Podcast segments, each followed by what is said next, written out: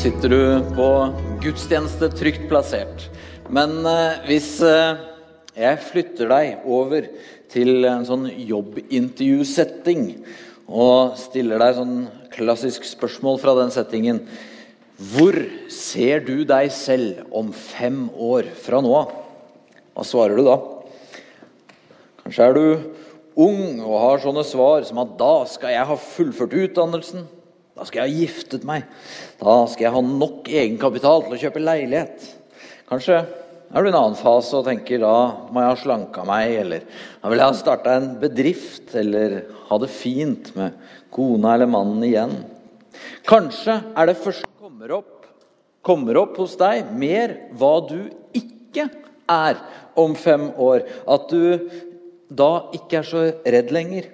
At du ikke lenger spiller bort alt du har på nettet. At ikke du drikker for mye. Eller så er du så voksen og realistisk at du tenker Skal jeg være ærlig, Andreas, hvis jeg bare fortsatt er her om fem år, så er jeg fornøyd. På dette området her så kommer vi i berøring av noe av det som er vår mest håpefulle og frustrerende lengsel eller spørsmål, nemlig hvordan kan jeg bli den versjonen av meg selv som jeg skulle ønske at jeg var. Alle som kan få folk til å tro at de har løsningen på det spørsmålet der, de selger masse bøker og får masse treff på bloggen sin. For den avstanden mellom sånn som jeg skulle ønske ting var, og sånn jeg håper å bli om fem år eller en gang i fremtiden, og sånn som jeg er nå, den kjenner vi alle på. Forfatter C.S. Lewis han beskrev det på en måte som blir mer og mer gjenkjennelig jo lenger vi lever, og jo mer man får av dette idiotiske problemstillingen at man ikke klarer å sove lenge om morgenen selv om man har fri. Han sa for øyeblikket så er vi på utsiden av verden, på feil side av døren. Vi gjenkjenner friskheten og renheten i morgener. Men de gjør ikke oss friske og rene. Kristen tro har ikke noen quick fix på dette. Men vi har et veldig håpefullt, slitesterkt og troverdig svar. Og det svaret skal vi prøve nå å dykke inn i de neste minuttene. Vi er jo nemlig i serien gudstjenester som vi har kalt Nye klær. Her tar vi utgangspunkt i et gammelt brev forfatter og kirkeleder Paulus skrev til en liten kristen kirke i en i den store sammenheng tilsynelatende ganske ubetydelig by som het Kolossai og som ligger i dagens Tyrkia, eller lå i dagens Tyrkia. Det høres litt sært ut å skulle snakke om det, kan du tenke.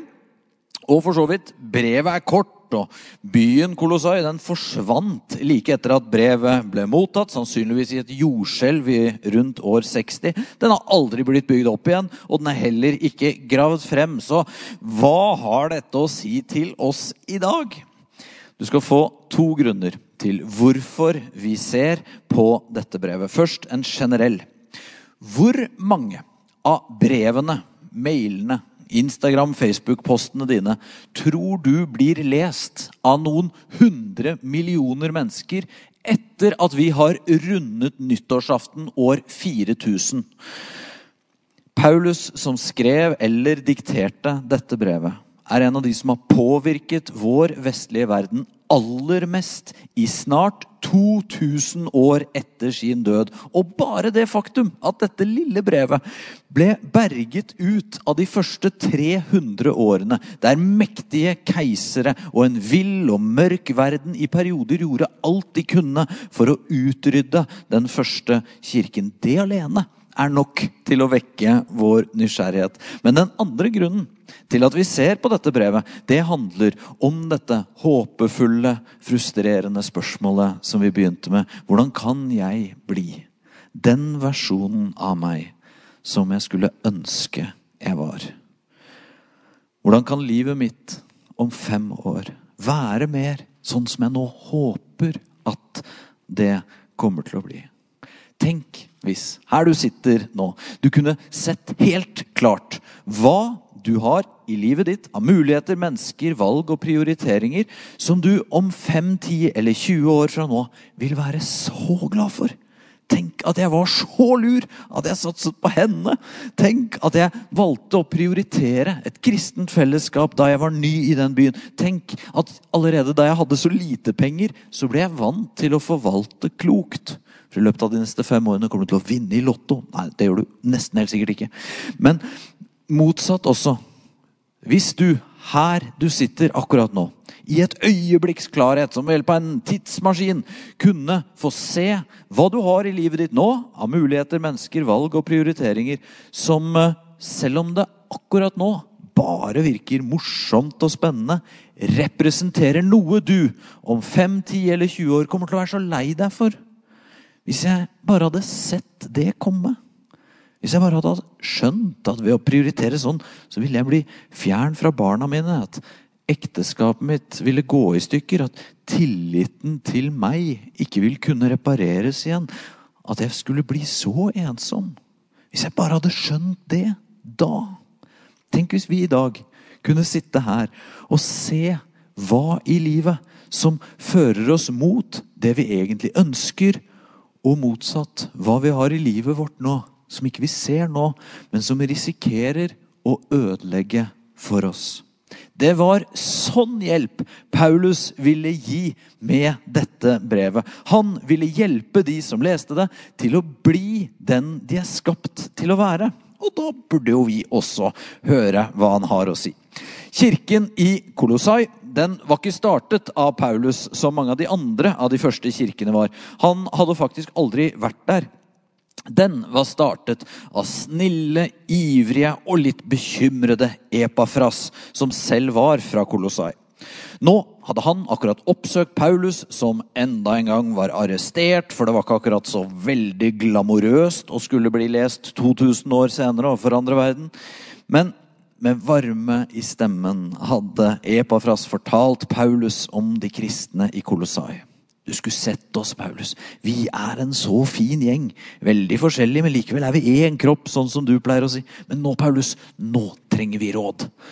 Det var nemlig så mye press på Epafras. Han hadde én gjeng i kirken som hadde vokst opp med troen på mange guder, og at alt funket hvis det bare føltes bra for deg. Disse de ville gjerne legge Jesus opp på alt det andre som de hadde fra før av, som en ekstra linje på en meny full av guder og religiøse praksiser og idealer. Men hvis du har vært på en litt liten restaurant på et lite sted, så vet du det er ikke nødvendigvis et pluss hvis det viser seg de har 250 retter på menyen. Less is av og til more. I hvert fall når det kommer til menyen på små restauranter, og når det kommer til hvor mange greier vi tilber. Men det var ikke bare de folka Epafras måtte håndtere. Han hadde stemmer i kirken som sa helt andre ting også. Han hadde f.eks. de med jødisk religiøs bakgrunn. Og de visste jo at Gud bare var én, men de visste også at troen den besto i å holde en mengde lover og forskrifter som det alltid var VM i å overholde best, og samtidig fordømme de som ikke fikk det til, hvis de f.eks. ikke visste hva som var rent og urent å spise og drikke. I tillegg til disse hadde Epafras folk som ville pine seg selv og gjennom det fremstå som gode religiøse.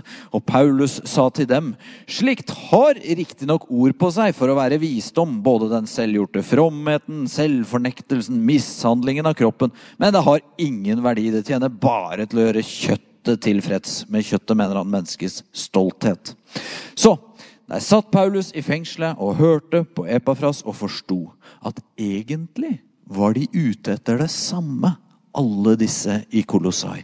De var ute etter en fiks. Alle lette etter en løsning på hvordan vi kan bli hele. Bli sånn som vi skulle ønske vi var.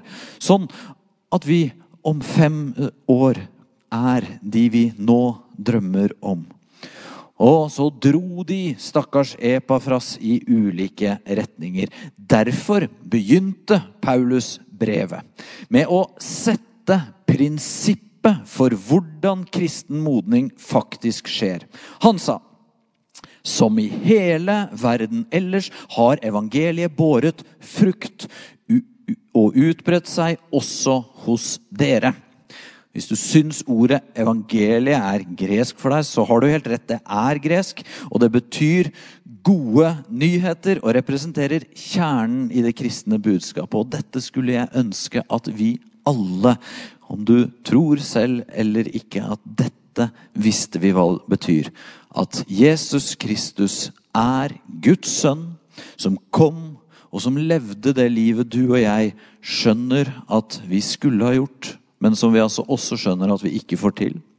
At Jesus døde den døden vi kan ane vi hadde fortjent å dø. Og fordi han gjorde det, så kan vi ta imot det evige livet helt ufortjent. Eller som Paulus skrev det her til kolosserne. Og ved han ville Gud forsone alt med seg selv, det som er på jorden og det som er i himmelen, da han skapte fred ved hans blod på korset. Det er gode nyheter. Det er evangeliet. Men hva er det Paulus sier her? Her at det er resultatet, effekten av evangeliet, å bære frukt. Hvorfor bruker han det bildet? Det er et døvt bilde. Vi leter etter en fiks. Vi leter etter en rask løsning her. Vi leter etter noe som kan gjøre oss sånn som vi skulle ønske vi var. Å bære frukt. Det høres sakte ut, Paulus. Vi hadde noen kaniner hjemme hos meg som rømte en vinterdag. De rømte for så vidt mange andre ganger også, for det var datteren min som var tolv år, som hadde bygd buret selv. Jeg ville ikke ha noe med det å gjøre. Men uh, denne gangen så stoppet de to smartingene ved et epletre i hagen, og så gnagde de rundt stammen. Utover våren så la jeg merke til at alt over det punktet på stammen som kaninene hadde gnagd på, det i prinsippet hele treet, det døde. Men siden kaninene hadde stått oppå snø, der de gnagde, så var det et lite stykke stamme under. Og der vokste det en liten gren ut fra den ødelagte stammen. Mest av latskap så lot jeg den stå. Og jammen så vokste den lille grenen oppover og ble på en måte et nytt tre. Her er det sånn som det så ut i går. Og for ikke lenge siden så tok jeg inn et stort eple fra dette treet, og så lagde vi kake av det. Gikk det fort? Nei. Det er flere år siden vi hadde kaniner. Og det var først i år jeg fikk det ene eplet. Men det vokste gradvis og uunngåelig, for det er jo det epletrær gjør. De vokser selv hos noen med så lite grønne fingre som meg, og så bærer de altså frukt. Og nå kommer vi til den delen av Kolossebrevet som vi har mest fokus på i denne serien. Paulus sier oppmuntrende til kolosserne. For dere har kledd av dere det gamle mennesket og dets gjerninger og iført dere det nye, det som blir fornyet etter sin skapers bilde, og lærer ham å kjenne. Her er nye klær. Så hva er svaret til Epafras og til oss, Paulus? Hvordan er det vi kan bli sånn som vi ønsker å være? Disse gjengene dine tar feil, Epafras. De som tror at, at Jesus bare kan legges oppå en allerede full meny, de forstår ikke kraften og styrken i å sette sin lit til noe som er evig, i stedet for noe som er midlertidig.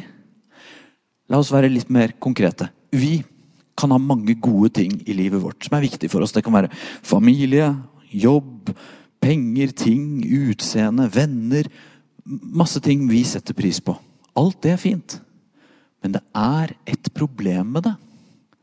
Det er midlertidig. Jeg har i jobben min fulgt en del mennesker den siste etappen av livet. Og når døden virkelig nærmer seg, så inntreffer det en slags klarhet som vi så lett glemmer når hverdagene bare ruller rundt oss. En dag er alt dette andre borte. Alt godt i livet er gaver fra Gud, og vi skal forvalte det med takknemlighet og klokskap. Men det er bare i hendene våre en stund. Og så er det ikke der lenger det radikalt frigjørende i kristen tro.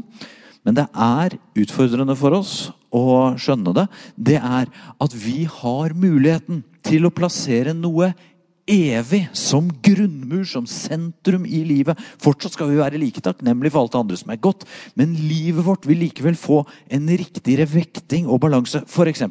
hvis jobben min er sentrum i min identitet og mitt liv, da har jeg det ordentlig bra når det går bra i jobben. Når du liker meg og er fornøyd og jeg får hyggelige mailer fra rundt omkring, da kan jeg være trygg og glad. Men hva skjer hvis det går dårlig på jobben? Da kan jeg bli fundamentalt utrygg. Hvis, hvis min kompetanse, familie, penger, ting eller venner er dette sentrum i meg som alt bygger på, da har jeg det bra når det går bra med det. Men hvis noe av det rokkes, så har jeg ikke lenger noe å stå på. Hva står du på? Paulus skrev til kolosserne dere må bare bli stående i troen, grunnfestet og stødige, uten å la dere rive bort fra håpet som evangeliet gir, det evige, det som ikke er midlertidig. Hvis min grunnmur i livet er Jesus Kristus, så er det fortsatt kjipt om det går dårlig på jobben, eller jeg krangler med Veronica, eller er bekymret for penger, helse, de er glad i, eller alt annet jeg syns er fint i livet. Men det viktigste står likevel fast. Og dette er gode nyheter. Evangelium, for å si det på gresk. Ikke fordi jeg da mister det andre, eller blir sånn svermerisk religiøs person som ikke har beina på bakken, ikke innser virkeligheten, fornekter alt som er rundt meg. Tvert imot. Jeg blir bedre i stand til å ta vare på alt som er godt i livet, for jeg står tryggere selv. Jesus sa det sånn. Søk først Guds rike og hans rettferdighet, så skal dere få alt det andre i tillegg. Det er vinn-vinn, lærte jeg på BI. Det kan du ikke si nei til. Ja vel, Jesus, hvordan får jeg deg som grunnmur, da?